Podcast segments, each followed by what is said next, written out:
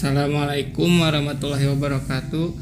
Pada podcast ini akan memberikan tanggapan mengenai inovatif dan kategori adopter yang dijelaskan oleh kelompok 7. Nama saya Ridwan Firmansyah, NIM saya 18066668. Nah, di sini uh, saya akan menjelaskan yang pertama itu tentang apa itu inovatif. Inovatif adalah kein, ke atau keinovatifan yaitu sebuah proses seseorang dalam menerima gagasan, objek yang menyangkut metode, strategi baru dan produk kategori lebih awal apabila dibandingkan dengan yang lain dalam sistem sosialnya.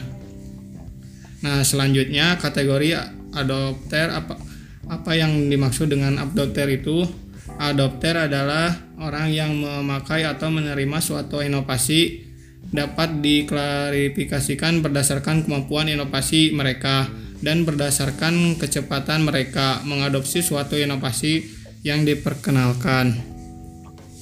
Selanjutnya ada salah satu pengelompokan yang bisa dijadikan rujukan adalah pengelompokan berdasarkan kurva adopsi yang telah diuji oleh Rogers pada tahun 1961 yang diklarifikasikan atas lima kategori yang pertama itu inovator, yang kedua early adopter, yang ketiga mayoritas awal, keempat mayoritas akhir, kelima ada tradisional. Nah, untuk penjelasannya itu tentang inovator adalah kelompok orang yang berani dan siap untuk mencoba hal-hal baru. Hubungan sosial mereka cenderung lebih erat dibanding kelompok sosial lainnya.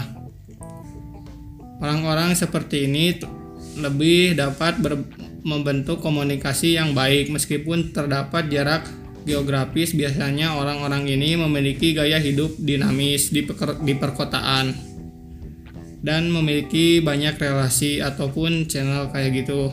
Yang kedua itu pengguna awal. Nah, penjelasannya itu kelompok ini lebih lebih lokal dibanding kelompok inovator.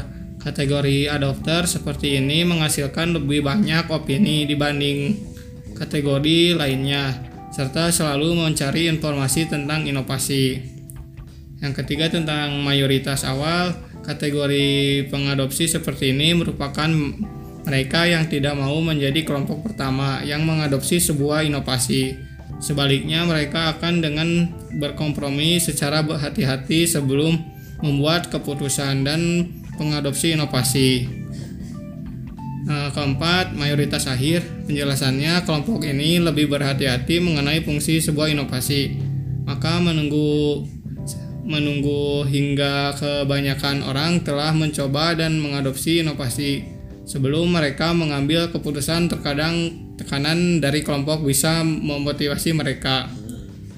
Uh, terakhir ada tentang tradisional.